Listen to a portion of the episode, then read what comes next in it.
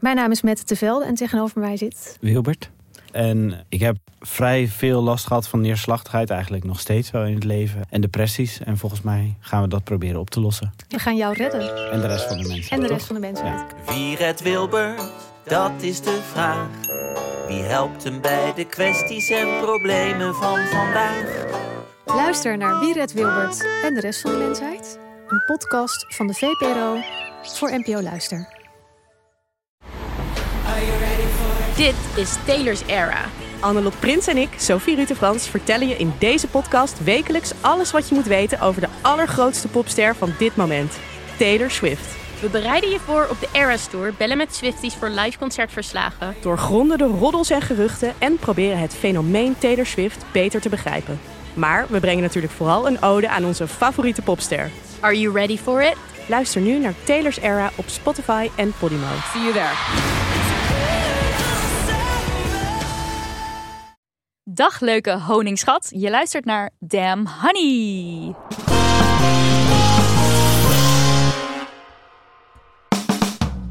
Podcast over shit waar je als vrouw van deze tijd mee moet dealen. Mijn naam is Nidia En ik ben Marilotte. en dit is aflevering 109. En vandaag gaan we het hebben over de opstand in Iran. Ja, eindelijk een volle aflevering erover. We hebben Beri Shamashi er al even kort over gesproken, maar dat is alweer even geleden. En in een yes-no aflevering. Ja, dus dat was echt een paar minuten. Ja, gaan we het er echt over hebben. En dat doen we met journalist en podcastmaker Mina Etemat, die zelf geboren is in Iran.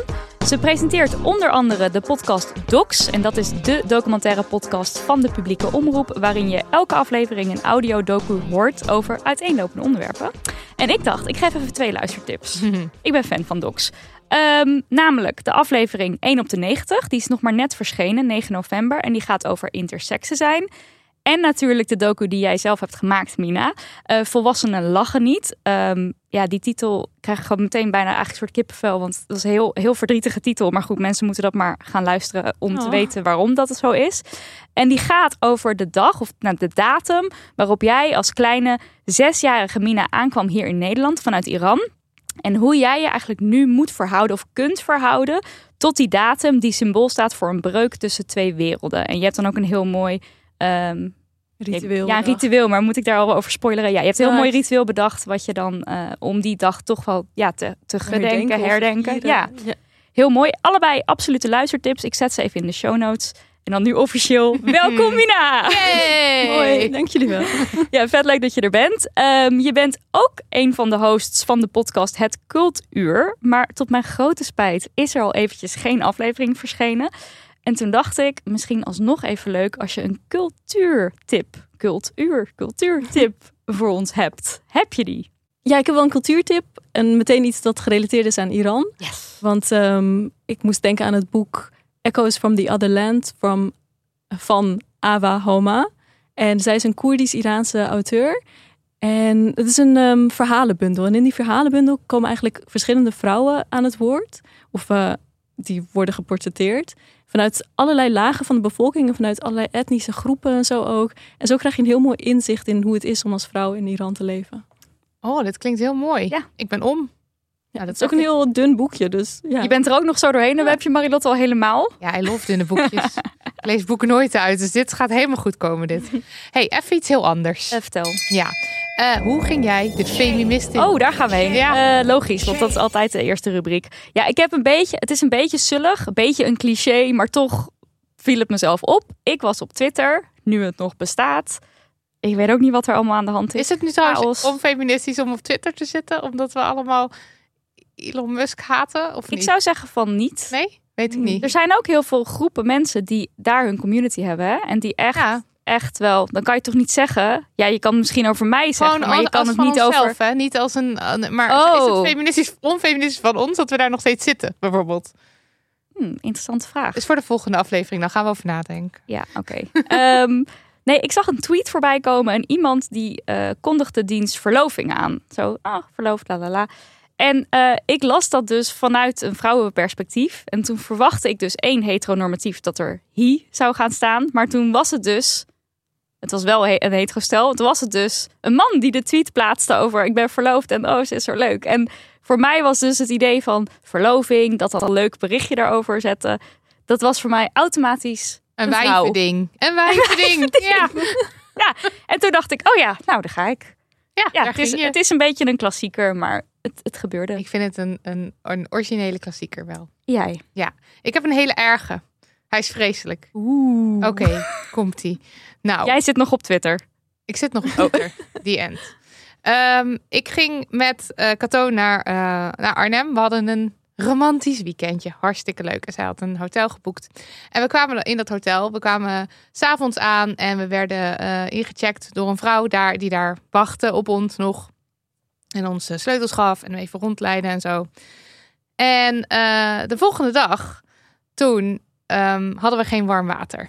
Dus eh, ik ging daar even verhaal over halen. Of tenminste, ik ging even zeggen: Hallo, we hebben geen warm water, kan er wat aan gedaan worden? En ehm, toen kwam ik dus de. Ja, wat is het? Het was niet echt een lobby, want het was een, een bakkerij voor. Het is een hotel-bakkerij-ding, was het. Dus er zat iemand, eh, eh, iemand koffie te drinken in die lobby slash bakkerij. En er stond iemand achter de balie. En degene die koffie zat te drinken, dat was een man. En die man die had ons, eh, ik denk een uurtje eerder, ontbijt gebracht. En die vrouw die ons de avond daarvoor had ingecheckt, die stond achter de balie. En wat doe ik? Ik richt me automatisch tot die man. En het, het ging echt nergens over. Want ik zo, ja, er is geen warwaar tegen hem. Terwijl ik herkende die vrouw gewoon van de avond van tevoren. Ze stond achter de fucking balie. Ik bedoel, zij was duidelijk aan het werk. gewoon- Hij zat daar gewoon koffie te drinken. Waarom deed ik dat? En ik had ook echt meteen door, want zij gaf antwoord natuurlijk ook. Zo van, Hmm. oh jee. Ja, ze hadden net een warmtepomp geïnstalleerd. En hartstikke duurzaam, leuk, goed. Goede reden om geen warm water te hebben ook.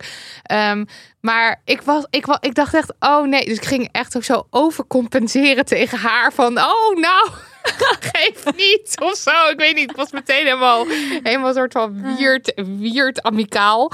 En eh, de- dat was eh, goed. Anyway, eh, kleine shout-out naar Hotel Karel in Arnhem. Hartstikke leuk, hartstikke goede service. En richt je maar tot de vrouw achter de balie.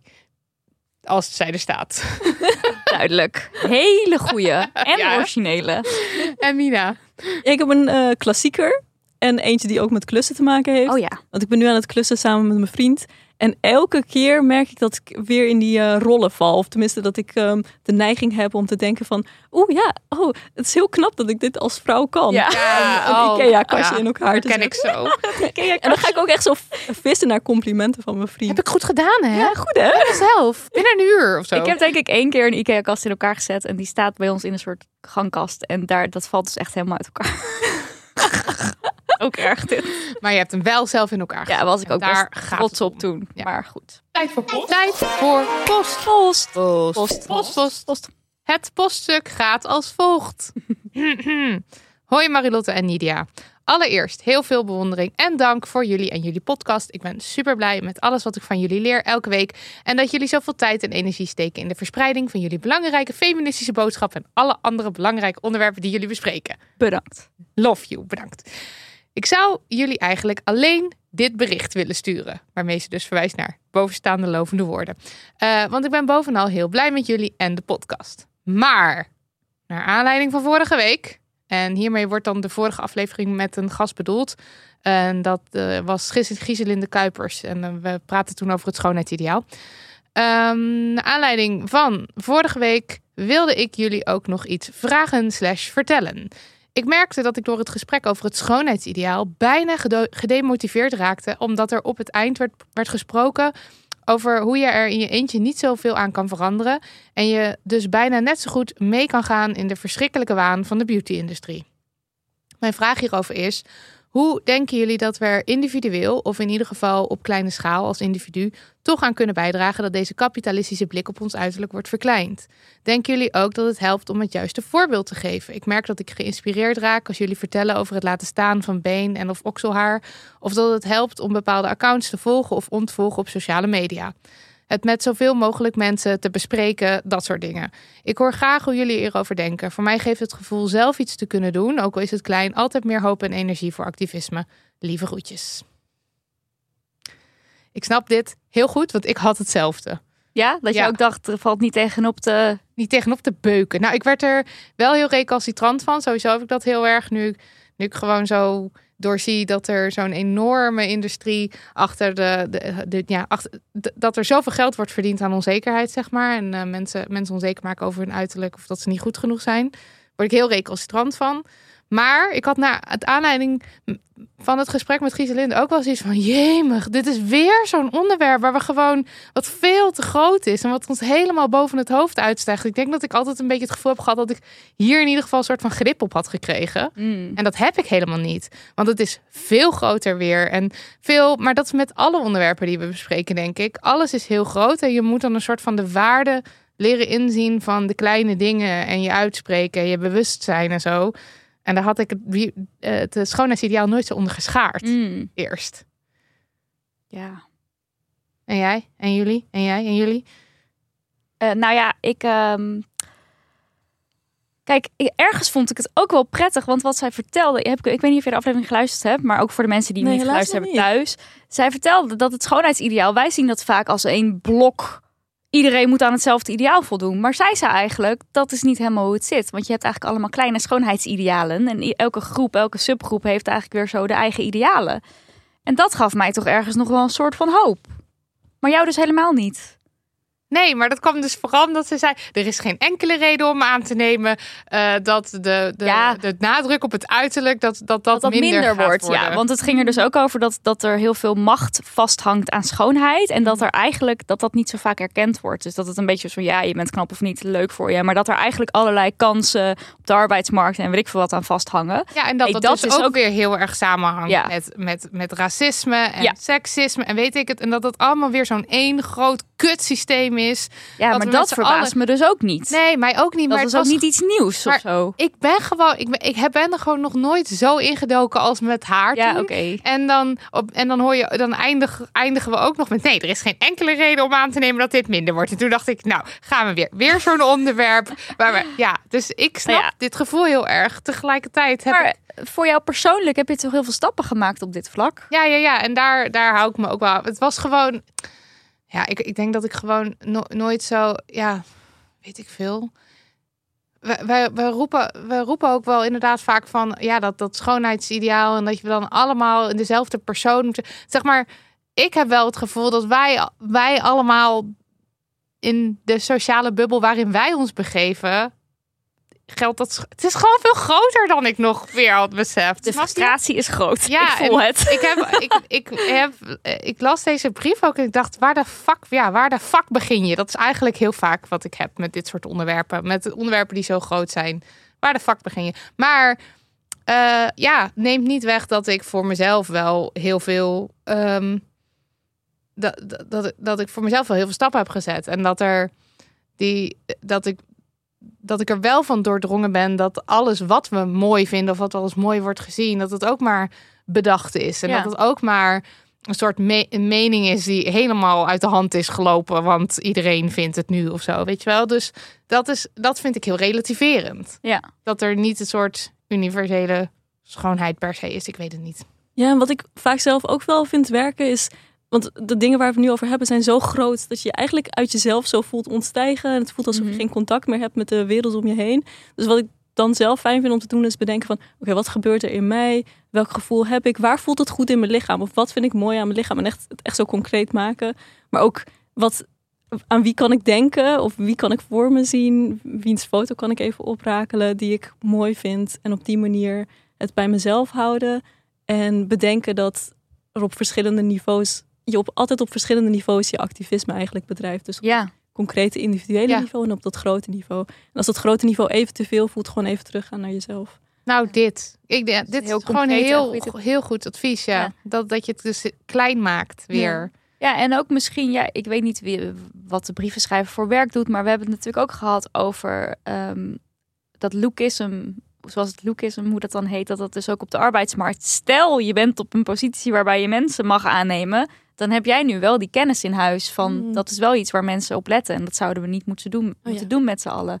Ja, dus Die- daar kan je je verantwoordelijkheid Ja, nemen. ja, maar ja, misschien doe je wel een baan waarbij je totaal niet met andere mensen hoeft te werken. Of ja, ik weet het niet. Maar ja, kijk gewoon op je, eigen, ge- op je eigen kleine terreintje wat jij kan doen. Dat Ja. is eigenlijk wat wij natuurlijk altijd. Ik wou net zeggen, dat, dat is wat we altijd zeggen. Ja, het, het, eh, de wereld is vol ongelijkwaardigheid. En, En, ook het op is het toch ook heel. van- Ik vond het dus heel logisch dat je binnen zo'n probleem als schoonheidsideaal. dat je daar weer dingen tegenkomt. Zoals racisme en klassisme. Net als Ja, ja. Zeg maar, het zijn altijd, komt dat overal altijd samen. Dus dan zou het bijna betekenen dat je nooit meer iets of zo kan doen. Want je komt altijd uit op patriarchaat, kolonialisme, eh, kapitalisme, witte Ja. suprematie. Zeg maar, dat is altijd het verhaal. Dus dan, ik kan me wel voorstellen als je het allemaal op een rijtje hoort, dat je dan even, weet je wel, veel. Maar dan denk ik ook van, kijk dan wat je allemaal wel al misschien nog voor elkaar hebt gekregen. Ja, Het is ja maar, bijna zonde om dan zo bij de pakken neer te gaan zitten. Ja, maar heb je het nu over mij of over de briefschrijver met de pakken neer? Nu over jou. Ja, maar ik, dit is... Omdat ik van jou weet wat voor stappen je erin hebt gezet. Ja. En ook wat voor een voorbeeld je weer voor heel veel andere mensen bent. En ook met onze theatershow, wat we daarin vertellen over het schoonheidsideaal. En dan is het eigenlijk heel zonde om dan te denken, nou ik weet het allemaal niet meer. eh, Het is met te veel. Terwijl we eigenlijk al heel veel dingen doen ook. Ja, oké, maar ik bedoel, ik, ik, ik roep dit natuurlijk wel. En het is, ik voel ook wel weer frustratie hierbij. Eh, maar het is niet zo dat ik nu het gevoel heb van, het heeft allemaal geen zin of zo. Het, is, het was gewoon veel om weer Ja, even er ik, aan ja. toe te voegen aan het idee wat je al hebt. Want ik, ik verbond het schoonheidsideaal ook gewoon heel erg met het kapitalisme. En ik dacht, nou, die heb ik wel of zo. Ja. En ik snap dat er ook racisme en klassisme bij komt. Dat is allemaal logisch en dat wist ik ook wel. Maar het, het was weer was veel. nog zoveel Oké, meer maar complexer. eventjes. Denken jullie ook dat het helpt om het juiste voorbeeld te geven? Vraagt. Ja, zeker. Enorm. Heb ik zelf heel veel voorbeelden van, van hoe dat helpt. Ja. Jullie ook? Mhm. Ja, ik, ja, het geeft heel erg om. de- Maar alleen al, eh, ik, ik krijg veel berichtjes ook gewoon over foto's die ik zelf online zet van mensen die daar dan toch een soort ik, eh, ook zelfvertrouwen uitputten of een soort inspiratie uitputten of scheid hebben en Ja. denken nou Marilotte die gaat met haar met haar eh, met haar blote lijf eh, op eh, op foto's whatever het maakt niet uit hoe je eruit ziet ik doe het ook of zo Ehm, ja en kijk de, het effect wat je hebt is gewoon beperkt en klein Maar natuurlijk. ook want- groter dan je soms kan denken. Ja, precies. En dat is denk ik iets waar we misschien dan een beetje aan vast mogen klampen. Mhm. dat het ook wel heel veel uit, kan maken als je een bepaalde foto post. Of dat je het er inderdaad met mensen over hebt. Dat schrijft de brievenschrijver ook. Eh, en ook deze, of dat het helpt om bepaalde accounts te volgen of ontvolgen. Ja, in mijn beleving werkt dat echt enorm goed. Maar het Dus werkt op ook dat gewoon kleine ja. vlakje Ja. kan je heel veel doen voor jezelf. Alleen, ja, het is een soort frustrerend dat het dan bij, dat het bij jezelf lijkt te blijven en de industrie niet zozeer raakt. Maar goed, weet jij veel wie als jij iemand raakt, wie diegene weer raakt, wie diegene Precies. weer raakt en hoe groot het is. Dus ik denk dat je ja, het- oké, heel even bij de pakken neer. Gewoon heel even denken, kut, het is groter dan ik dacht. Dat mag wel. Ja. En dan daarna toch weer terug naar, maar op zich, hè, alle verandering die je zelf maakt in jezelf en misschien dus ook bij iemand anders, dat is iets waard. En je dus bewust zijn van de privileges die je wellicht hebt als persoon rondom Ja. schoonheid en al dan niet afwijken van een norm. Ja, en daar ook oog, oog voor hebben bij anderen. Ja. En ook je uitspreken als je denkt, maar dit is niet eerlijk of dit is, ja. Ja, dat is alles wat we kunnen doen. Ja, maar ik snap het.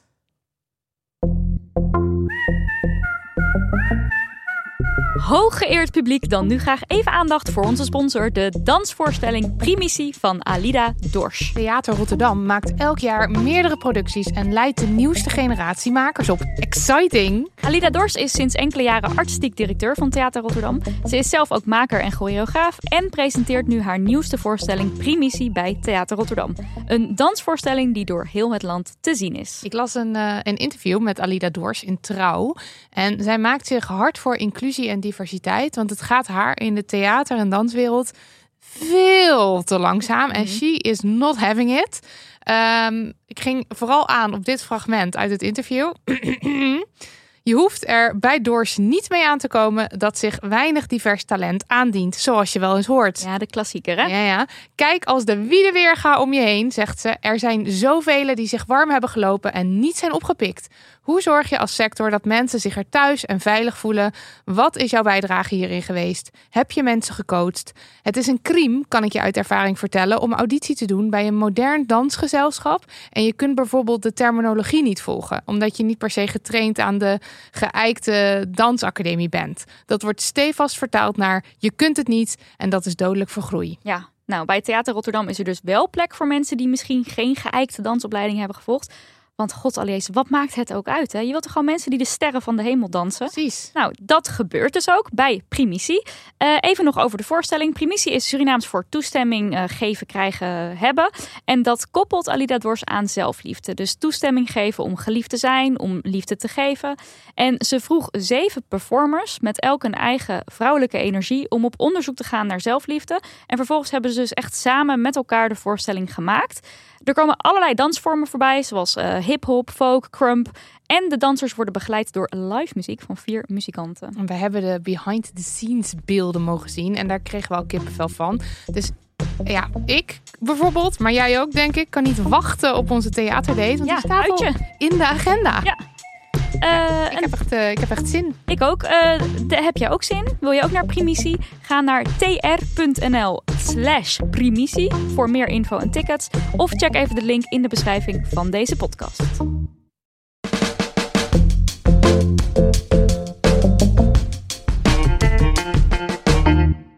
We moeten het even hebben over de opstand in Iran. Die is ondertussen al wekenlang gaande. We zitten op dag 60 Of 61? 61 alweer. En het is ehm, ja, nog altijd niet even makkelijk, vind ik persoonlijk, om het nieuws goed te volgen. Ik kan niet altijd de juiste goede bronnen vinden.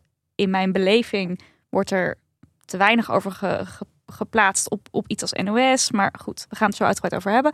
Ehm, dus wij hopen eigenlijk met deze aflevering weer wat meer kennis te geven, wat meer overzicht te geven zover dat dus mogelijk is. Want de bronnen zijn ook soms beperkt. En het is ook een chaos aan wat er allemaal binnenkomt. Dus eh, we, gaan het er hebben, we gaan het hebben over hoe staat het ervoor, wat gebeurt er nu en hoe ziet de toekomst eruit, zover je daar iets over kan zeggen. En ook natuurlijk hoe het is ehm, om de opstand te volgen vanuit Nederland, terwijl je zelf een band hebt met Iran. En ondertussen het leven hier ook doorgaat. Eh, Mina, laten we eh, eerst even voor de luisteraar ehm, ver- vertellen van wat jouw band met Iran? Ja, zoals je eigenlijk al in de, in de introductie zei, ik ben daar geboren en in mijn zesde, op mijn zesde kwam ik hierheen. En ehm, ja, sindsdien heb ik altijd een band gevoeld met mijn vaderland. En ehm, altijd het gevoel gehad, een deel van mij is Iraans, leeft daar, weet hoe het is om daar te leven. En ik kan nooit, ja, dit klinkt heel groot, maar ik kan nooit helemaal gelukkig zijn met het zorgeloze leven dat eh, ik hier zou kunnen leiden omdat ik weet, mensen in mijn moederland, vaderland, die ehm, eh, lijden onder het regime. En die Mm. hebben het niet zo goed als ik. Ja, En hoe, hoe gaat het dan als je, want nu is het allemaal heftig in Iran. Hoe is het dan om, ja, hoe gaat het nu met jou? De eerste weken dat het begon waren best wel heftig. Want ja, ik, ik voelde me heel onrustig de hele tijd. En ik dacht van, oh my god, het is zo erg. Wat moet ik doen? Ehm, ik was er elke dag mee bezig. En nu ben ik nog steeds elke dag mee bezig. Maar ik merk dat ik wat meer ruimte heb in mijn hoofd om ook andere dingen toe te laten. Mm. Het is een soort van ehm, ja, proces waar je dan doorheen gaat als er iets heel ergs gebeurt. Ja, een soort ad- adaptie of aanpassen aan de situatie. Want dit is dan de nieuwe werkelijkheid. Zeg Ja, maar, dat we elke dag te horen krijgen dat er weer iemand is vermoord. Dat er mensen op straat in elkaar zijn geknuppeld. Dat eh, de huizen van mensen zijn binnengevallen. Dat is gewoon de nieuwe situatie. En oké, ik, ik Ja, raar lees genoeg. het elke dag. Ja. Zeg Ja, maar. ja. Ja. En heb je mensen om je heen waarmee je het dan er op een goede, fijne manier over kan hebben? Ja, zeker. Want ehm, afgelopen jaren heb ik wat meer Iraanse Nederlanders leren kennen. En met hen kan ik het gewoon echt over zulke dingen hebben. En we vinden steun bij elkaar. We Mm. vinden troost bij elkaar. We kunnen ook lachen met elkaar. Ik vind het heel moeilijk om soms met andere mensen te lachen. Omdat Mm. ja, in onze lach zit toch altijd verdriet. En bij elkaar, dan snap je dat meteen. Ehm, en met een paar van de Iraanse ehm, eh, Nederlanders, dan heb ik ook een soort van actiegroepje opgezet. ehm, waarmee we verschillende dingen hebben bereikt. Al bijvoorbeeld met een Europarlementariër gepraat om te kijken wat hij kan betekenen voor eh, de mensen in Iran. Of e-mail templates opgesteld, zodat mensen die kunnen sturen naar eh, politici of eh, universiteiten of zo. En ook een solidariteitsoproep opgesteld, waar, ehm, waarbij we journalisten hier in Nederland of mediamakers, fotografen vroegen of ze een oproep willen ondertekenen, waarmee we de gearresteerde journalisten in Iran steunen. Want er zijn er zo'n 50 ondertussen opgepakt. Mhm. En ehm, dat is een heel hoog aantal. Alleen in Myanmar en in China zijn er meer journalisten opgepakt.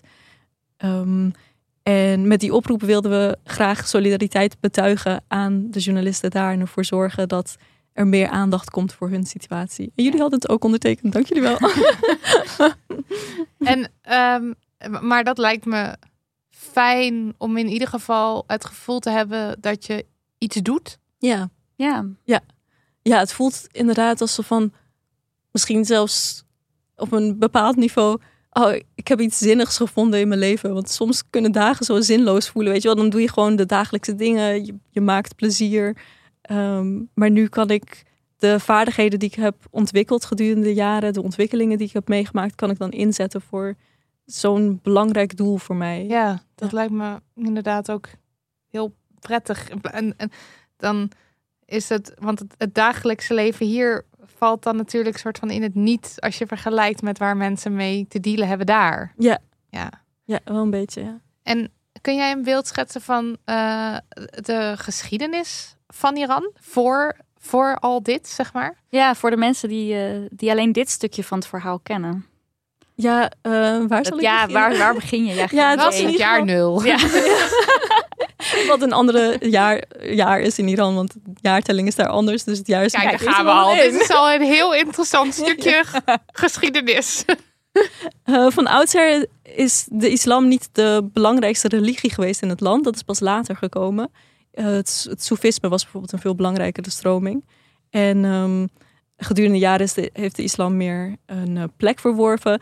En ook westerse inmenging heeft steeds meer voor gezorgd dat het land bepaalde kant op ging.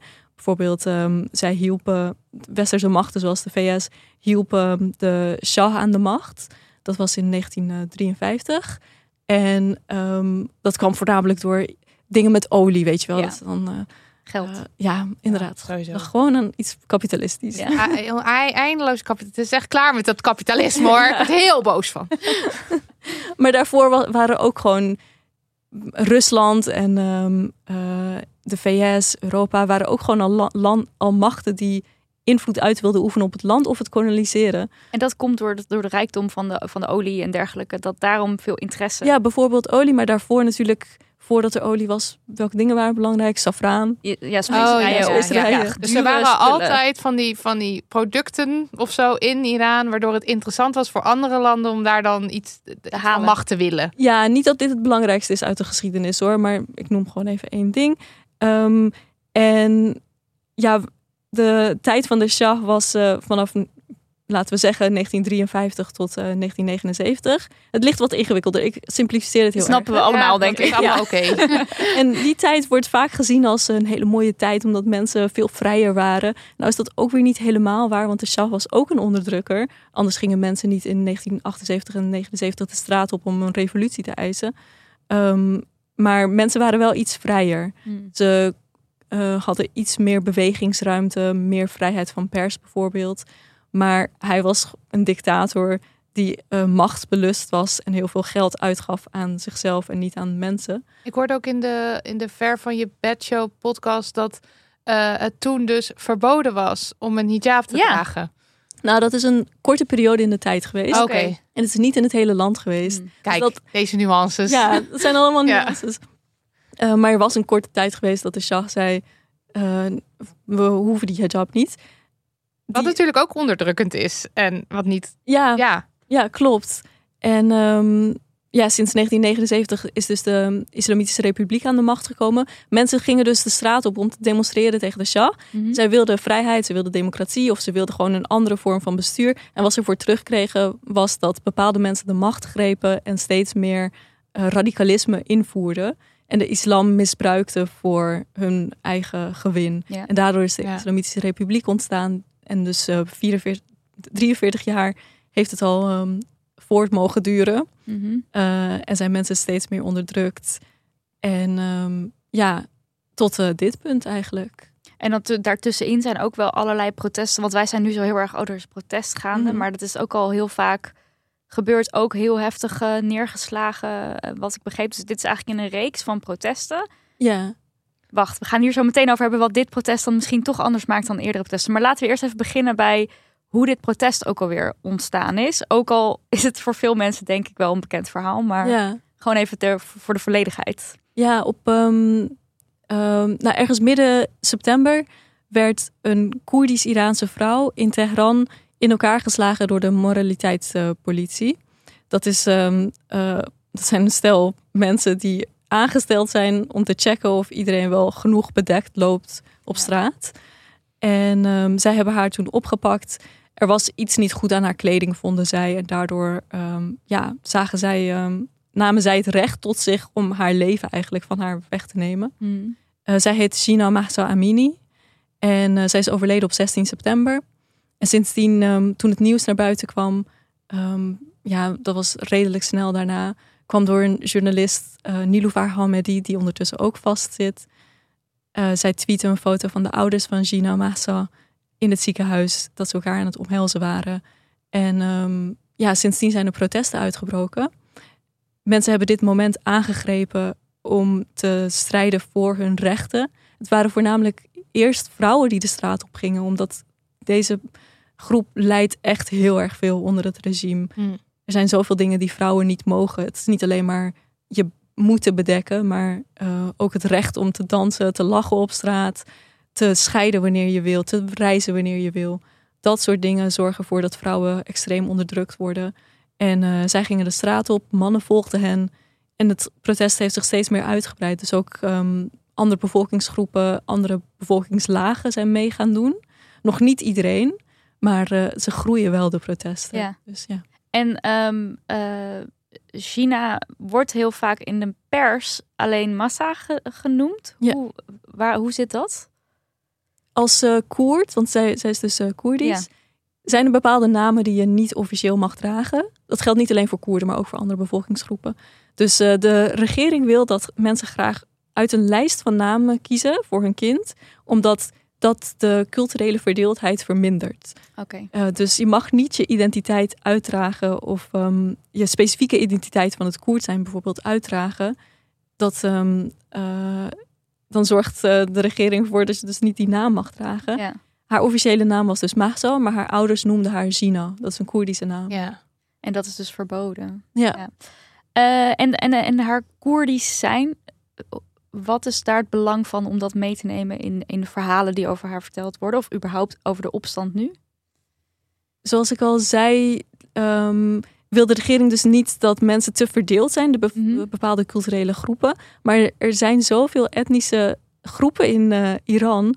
Zij leven naast elkaar en het zou in het ideale geval zo moeten zijn dat ze zich kunnen uitdragen zoals ze willen. En Koerden die hebben een hele sterke identiteit, niet alleen in Iran, maar ook in Irak, Syrië en, ehm, eh, en Turkije. En zij willen zich natuurlijk op een bepaalde manier uitdragen. En dat zou, dat zou heel normaal moeten zijn. Ja. Maar het, is, het vormt een bedreiging voor het eh, islamitische regime. Omdat zij dat zien als ja, manier waarop. ehm, eh, zij mogen zich dus niet uitdrukken zoals ze willen, want het regime ziet hen als een ehm, bedreiging. Ja, je kan natuurlijk.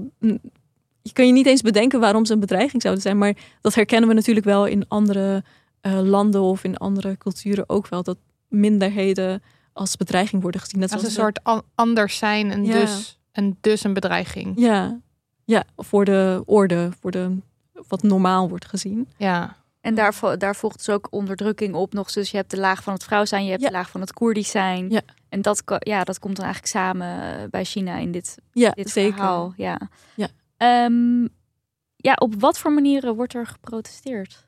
Waar moeten we dan aan denken? Want er gebeurt echt van alles. Ja, klopt. Ja, er wordt op hele bijzondere manieren zelfs gedemonstreerd.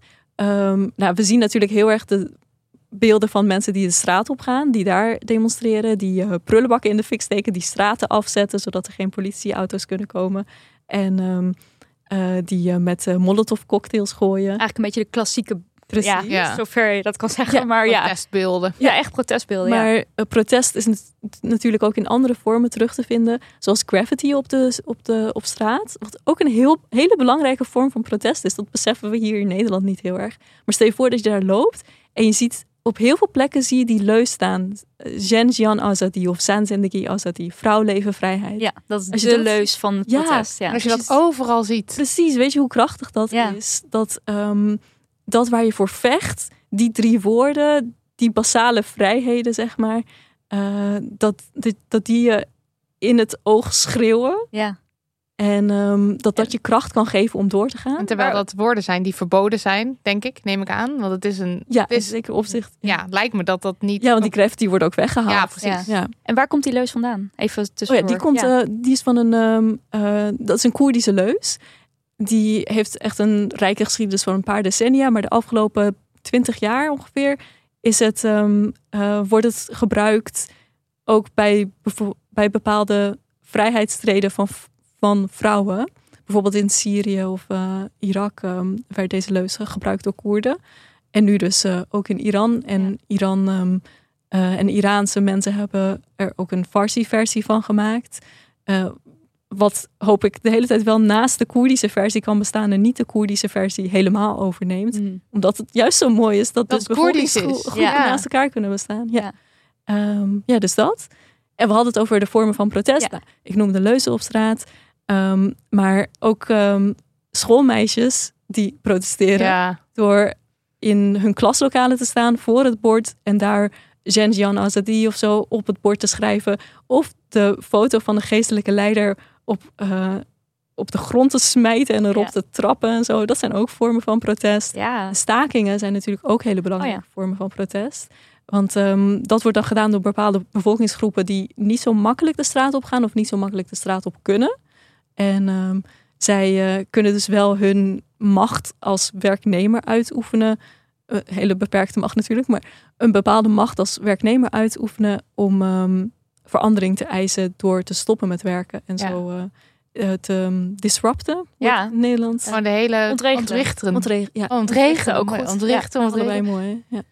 Ja, en eh, eh, er is ook een protestlied wat heel erg van Shervin, als ik dit nu goed uit mijn hoofd zeg. Sherwin Hajipour. Ja, wat ook echt wel ehm, Ja. ja. ver verspreid is. Ja. Was En dat ook, dat nummer wat je de hele tijd, wat Denk je de hele ja. tijd hoort? Ja. Ah, en dit was van een zanger die ook is opgepakt. Ja. Ja, Toch? Ja. Ja, ja, dat is ook zo'n mooi nummer.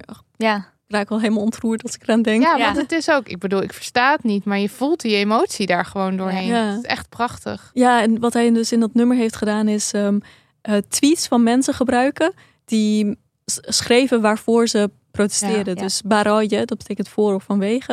En dan gaven ze bepaalde redenen, zoals ehm, eh, voor het recht om te dansen op straat of voor de eh, Iraanse luipaard die aan het uitsterven is.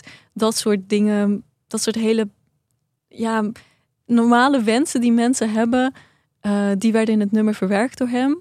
En eh, ja, hij zingt dat op een hele eh, mooie, verdrietige, maar ook hele ontroerende manier. ja. En zijn er momenten die er voor jou heel erg uitspringen? Die jou Mensen of, of mo- manier. momenten of manieren, ja. Oh, zoveel. Ja.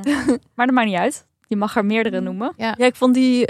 Ik vond dat van de um, schoolmeisjes vond ik echt heel mooi en Ja. heel ontroerend. En ook heel dapper. ja, Ja, heel Van iedereen natuurlijk heel Ja. dapper. Maar goed, ja, het zijn hele jonge meiden. die dat- ook zijn, soms zijn opgepakt en die zitten dan bijvoorbeeld in heropvoedingskampen. Ja. Ja, dat is echt bizar. Maar dat, as we speak, zullen er nu um, tientallen opgepakt zijn Ja. die nu te horen krijgen hoe ze zich moeten gedragen. Ja. Ehm, en ja, ik ben nu ook de hele tijd heel benieuwd hoe het nu gaat in Iran, omdat deze afgelopen eh, deze dagen waar we nu in zitten, Mhm. we nemen op op woensdag. ja, dat is wel goed om te zeggen. 16 november, want het verschijnt iets later. Dus dan Ja, weten mensen dat ook. Ja. Precies. Ja. en op eh, 15, 16 en 17 november werden mensen opgeroepen om de straat op te gaan en om te staken. Dus dat is nu gaande. En dit doen ze omdat drie jaar geleden, in 2019, toen braken ook grote protesten uit. Dat had een beetje te maken met de hoge gasprijzen en niet zozeer met. On... Nou, natuurlijk had het ook te maken met onvrede, maar de hoge gasprijzen waren de eh, druppel. Mhm. En ehm, in die drie dagen, toen is het internet afgesloten door de regering en zijn er eh, 1500 mensen afgemaakt. Ehm, en eh, daarom eh, is het een aanleiding om deze drie dagen dit jaar ook te demonstreren Ja. en hen te herdenken. En in hun naam ook eh, de vrijheidsstrijd te voeren. En, en is het internet nu ook afgesloten of niet? Want eh, Nou, ja, het ver- ik verbaasde me een beetje over dat er gisteren best wel veel beelden naar buiten kwamen. Ik dacht, oh, dan krijgen we waarschijnlijk niks te zien. Maar ja, vandaag kreeg ik ook wel weer dingen te zien. Ik vraag me af hoe het kan. Maar eh, ja, het kan zijn dat, dat we vanavond dus heel weinig weer binnenkrijgen. Weet je, Mm. ja. En- het is een beetje onzeker. Over dat nieuws, want ik zeg dus de hele tijd in deze podcast, ik vind het gewoon moeilijk om er grip op te krijgen. Maar Ja. hoe is dat voor jou? Heb je bepaalde bronnen of plekken waar je Heb je grip? goed... Ja, Niet echt.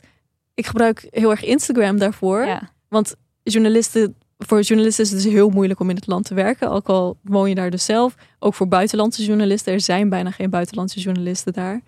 Ehm, dus we kunnen niet afgaan op officieel nieuws, zeg Nee. maar. Wat we wel kunnen doen is kijken naar de video's en proberen daar iets uit, te- uit op te maken. Mhm. En ehm, natuurlijk is dan niet alles gefactcheckt. Maar ik ehm, geloof wel dat er conclusies aan verbonden kunnen worden. En ja, ik zou zelf graag willen dat eh, bepaalde media dan iets vaker zouden berichten over Iran. ja. Ook al zouden ze dan bij moeten zeggen van het is niet eh, geverifieerd. Maar we zien wel dat dit en dit gaande is. ja, want het is het enige wat we, waar we mee moeten werken. Dus dan Ja. kan je dat erbij zetten, lijkt mij. Ja, ja nou ja, het, ja. Waarom is er geen live blog of iets? Ik vind het Ja, dat vind ik ook. apart. Omdat het gewoon al 60 dagen gaande is. Dit verdient En zo gewoon is. constante aandacht. Ja. Ja. Vooral omdat het internet wordt afgesloten. Want dan heb je eigenlijk juist de taak om zoveel mogelijk ja. dingen naar buiten te brengen. Ja. En te zorgen dat mensen weten. Want anders dan krijgt het regime ook maar zijn zin in dat het, dat het maar ongestraft kan Ja, of doen. dat de aandacht weg, wegzakt van Ja. buitenaf. Ja. Hoe kijk je naar de aandacht van buitenaf? Niet alleen per se Nederland, ja, ook Nederland, maar ook andere landen. ik zie wel dat, het, dat er steeds meer oog voor eh, de gebeurtenissen in Iran is. Aan het begin was het wel echt een beetje teleurstellend. Wij zagen al dat er zoveel gaande was. Met wij bedoel ik mensen in de diaspora. Maar de mm, eh, pers pakte dat nog niet heel erg goed op. Nu is dat wel iets meer gaande. Dus ja, het is oké. Dan even in vergelijking dus met die andere protesten, waar ik net wel naartoe wilde, maar dacht, wacht, eerst even bij het begin beginnen. Wat maakt dit protest nou weer anders dan bijvoorbeeld de opstand uit 2019? Ja. Dit protest is, lijkt grootschaliger ten eerste. Nou, is grootschaliger. Het, vindt, ehm, het heeft zich uitgespreid naar zoveel steden en naar zoveel bevolkingsgroepen, naar zoveel etnische minderheden die meedoen. Dat maakt het wel heel bijzonder. En ehm, het houdt ook best wel lang aan. Er zijn ook wel eerder lange demonstraties geweest. Maar eh, nu houdt het dus best wel lang aan. En de jonge generatie is eh, heel bepalend nu zij zijn degene die eigenlijk leiden. Zij zijn degene die eh, eh, leiden met de EI, die de straat op gaan. en ook IE, Ja. Ja. eh, die de straat op gaan en vechten voor hun vrijheden. En zij zijn eigenlijk minder bang, lijkt het. Omdat zij willen niet opgroeien in een wereld waarin hun ouders zijn opgegroeid. Zij Ja. willen gewoon wat andere mensen die ze op social media zien, die leven in vrijere landen. Zij willen dat ook hebben. En wat ook gewoon heel bijzonder is aan deze protesten, is dat het ehm, feministische protesten zijn echt. Want het begon met een feministische eh, wens dat vrouwen niet vermoord worden alleen maar om eh, iets wat het regime, Ja. ja. iets wat het regime opdraagt dat ze moeten doen. En ehm, de, de leus San Zendegi Azadi, die is ook super feministisch. Dus ehm, eh, ja, dat is ook. Dat is misschien trouwens wel iets wat westerse media misschien meer kunnen oppakken. Ehm, om het meer te hebben over het feminisme in deze strijd. Dat, daar lijkt een beetje aan voorbij gegaan te Hmm. worden. Want ja, je zou het een soort van intersectioneel fe- eh, feminisme zelfs kunnen noemen. Als je kijkt naar die leus Jian Azadi. Die ehm, eh, eigenlijk staat voor niemand is vrij zolang er een onderdrukte Ja. vrij is. Want het komt van een Koerdische beweging. Die strijden voor onafhankelijkheid. Die st- strijden voor ehm, de wens om zich uit te mogen drukken zoals ze zijn. En ook de vrouwen wilden daar een rol in spelen. Ja. Vrouwen wilden erkenning zeg maar, voor hen- henzelf als mens zijn. Ehm, het zou mooi zijn als daar meer aandacht voor zou zijn. Ja. Ja. En wat je dan toch wel weer krijgt hier, daar hebben we het eh, met Berry ook over gehad. Dat er dan weer zo gefocust wordt op de hijab. En dat mensen dan gaan zeggen van, eh, kijk, daar willen ze hem ook niet. De, zeg maar dat het weer die hele nare Mhm. Islamofobe, Take. dat die take juist weer komt. Of dat er heel erg die aandacht daar naartoe gaat. Terwijl het helemaal niet alleen daarover gaat natuurlijk over wel of niet een hoofddoek moeten Nee, dragen. maar de laatste tijd heb ik wel minder dat soort dingen gezien. Hmm. Maar ik, heb, ja, ik zou graag wat meer, wat meer willen lezen of horen over ehm, hoe is het om als feminist in Iran daar de straat op te gaan? Hoe voel je dan? Ja. Ja, Hoe, hoe vecht jij voor je vrijheid? Ehm, wat, wat zou jij willen als vrouw? Welke, ehm, welke eerlijke wereld zie je voor je? En wij moeten naar hen kijken, want zij weten precies waar dat zit. Zij hebben zoveel onrecht meegemaakt als vrouw en zij strijden nu om echt onafhankelijk of echt vrij te zijn. Dus naar wie kunnen we beter kijken dan naar hen? Ja, Wij hebben zoveel van hen te leren Ja, met zoveel moed gaan zij de straat op. Zij laten hun haren zien wat een, ehm, een, eh, een heldendaad is Ja. eigenlijk. ja, en een zonde is. En inderdaad een heldendaad. Ehm, hoe, waar halen zij die moed vandaan? Hoe kunnen wij eh, hen steunen daarin? Ja, En wat, dat is heel mooi. wat is jouw idee daarover? Over hoe wij ze kunnen steunen? Vrouwen, vrouwen of eh, iedereen? Allebei. Ik denk vooral dat iedereen gezien en gehoord wil worden. Dat ten eerste, als je zo vecht voor je vrijheid, als je zo hard roept, San Zendegi Azadi, als het echt uit je diepste komt. Want Mm. dat is zo als mensen dat schreeuwen. Ik weet niet of wij dat ooit op hetzelfde niveau meemaken als wij op de dam staan bijvoorbeeld en niet schreeuwen. Bij ons komt het nooit echt helemaal van zo diep. Je vecht nooit voor je ultieme vrijheid, omdat we dat redelijk hebben hier. Ja. Maar zij doen dat wel. En ehm, eh, luister daarnaar. Luister hoe dat is. Erken dat zij moedig zijn. Erken dat zij die strijd voeren. Dat ten eerste.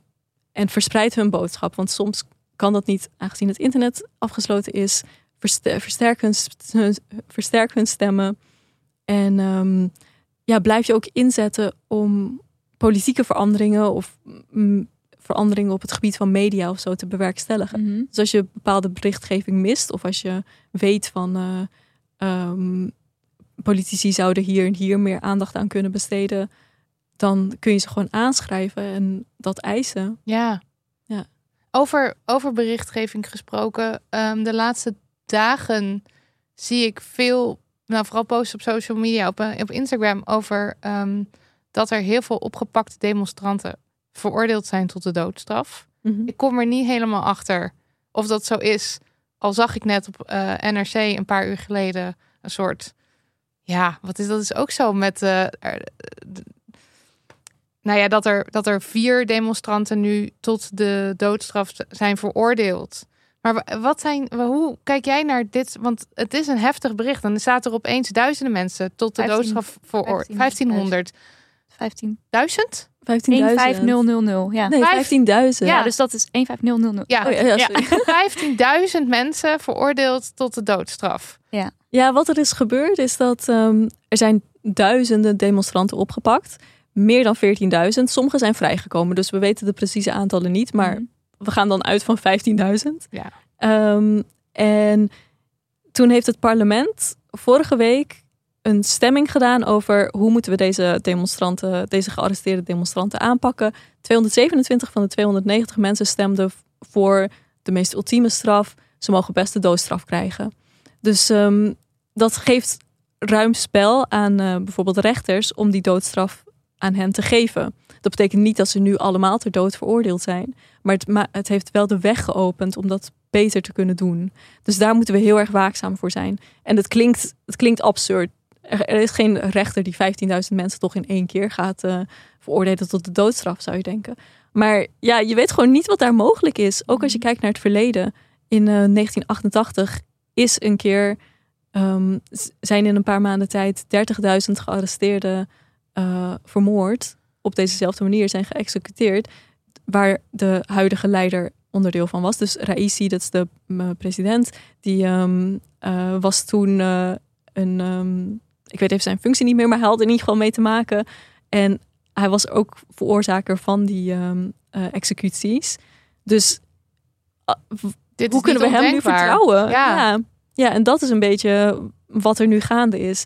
Nou wordt het soms een beetje raar verwoord misschien op eh, social media. Zo van 15.000 gearresteerden worden Gedood of geëxecuteerd. zo, ja. Ja, dat, dat het heel niet het stellig misschien al staat. Ja. Terwijl het meer is van, er is ja, toestemming gegeven om het te doen. En of het dan vervolgens uitgevoerd wordt, dat Dat weet de tweede. Ja. Ja. Maar de eerste stap, zeg maar, is wel een stap.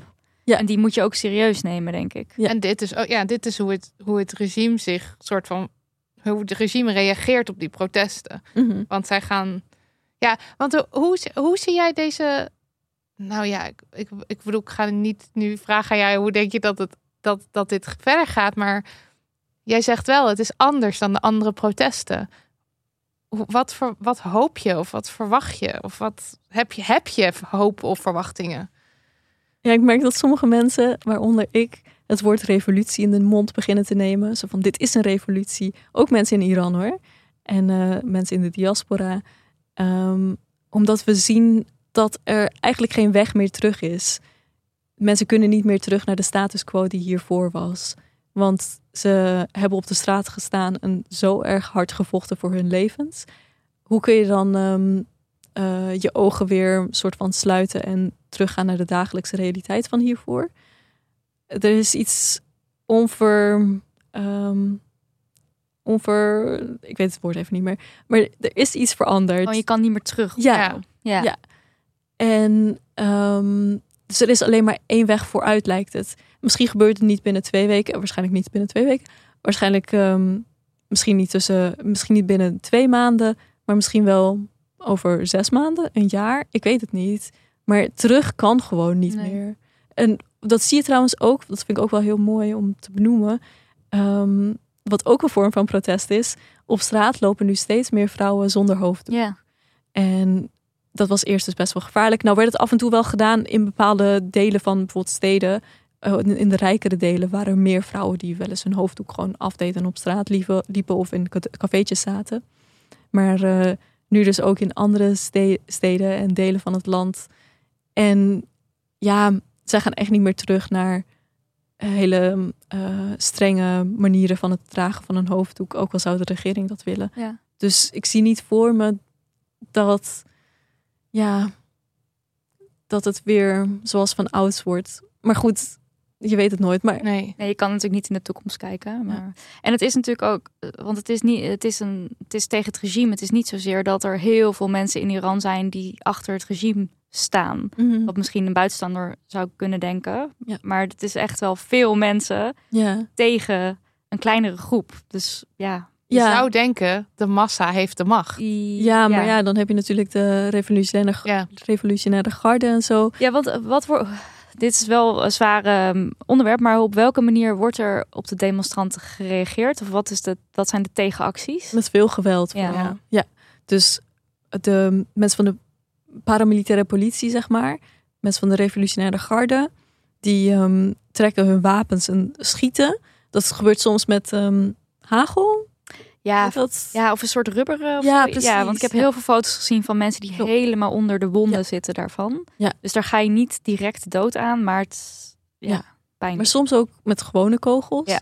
En ehm, eh, ook gewoon slaan op demonstranten. Er is geen respect voor eh, het, ja, je lichamelijke integriteit. Nee. Hoe noem je dat? Er wordt gewoon met geweld op je gereageerd. En dat zie je door het hele land. Gewoon echt keihard eh, teruggeslagen. Ja. En eh, ik las hier een stuk over op One World. Ehm, ik denk dat jij het geschreven hebt. Ja, Dat je ehm, mensen eigenlijk oproept van kijk nou niet weg ja. bij dat soort beelden. En waarom? wa- wa- wat is je waarom? Dat is natuurlijk wel een beetje lastig om te zeggen. Want sommige mensen raken getriggerd van zulke Ja, en Dus dat ik neem aan dat je niet op die mensen, Ja, op die mensen klopt. niet. Je zegt niet van iedereen moet dit nu kijken, Nee. maar waarom is het belangrijk dat wel ook dat soort beelden gedeeld worden? het is de dagelijkse realiteit daar. Dus wil je begrijpen wat er gebeurt, dan moet je daar je ogen niet voor sluiten. En ehm, begrijpen wat, wat er gebeurt. Ook al is het echt super heftig als je ziet dat een vrouw met haar hoofd tegen een stoeprand aan wordt gegooid. Ja. Ehm, het is wel wat er gebeurt. En die vrouwenhaat, mensenhaat zit zo diep. We kunnen erover praten, we kunnen er eh, over. ehm, eh, we kunnen het erover hebben. Maar ik denk ook dat het belangrijk is om het te blijven zien. Mhm.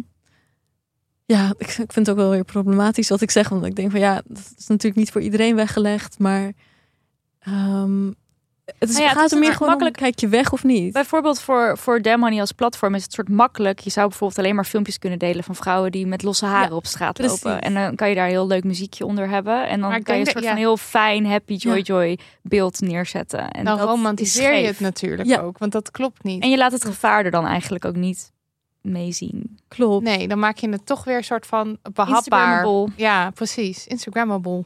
Ja, ja, dat is het inderdaad ook. Ehm, naast al die moedige beelden zijn er ook telkens beelden van ehm, geweld Ja. en eh, pijn en verdriet. Maar eh, ja, dus ik vind dat we het allebei moeten zien, zodat je ook echt de nuances begrijpt en de la- gelaagdheid. Want wil je het Iraanse volk begrijpen, dat eigenlijk niet zoveel verschilt van ons volk hoor. Ik bedoel, we, of tenminste, we streven allemaal naar dezelfde dingen in het leven. Gewoon gelukkig zijn, Ja, zorgeloos zijn, Je leven zijn. inrichten zoals je wil. Ja, ja. ja. over straat, ja. Ja. Naar, je- naar je werk, eh, Ja. weet ik veel. Gewoon. Maar je kan, je, je, we staan niet los van de, van de wereld om ons heen. Wil je begrijpen hoe het is om in een ander land te leven eh, en eh, zulke onderdrukking mee te maken, dompel je er dan ook in onder in bepaalde opzichten. Ja. Ja. Ja. En eh, nou ja, we hebben dus heel veel de vraag gekregen van eh, luisteraars: wat kan ik doen? Ja. Die hebben we het de vorige keer ook al een beetje over gehad. We hebben het nu ook natuurlijk al een beetje benoemd, maar toch nog maar even de vraag: ja, wat kunnen wij doen? Of wat verwacht je misschien zelfs ook wel van mensen? Want misschien mag de eis ook iets harder wel gesteld Ja. worden. Ik noemde al een paar dingen van Ja. eh, beelden delen, het erover blijven hebben, politici aanschrijven.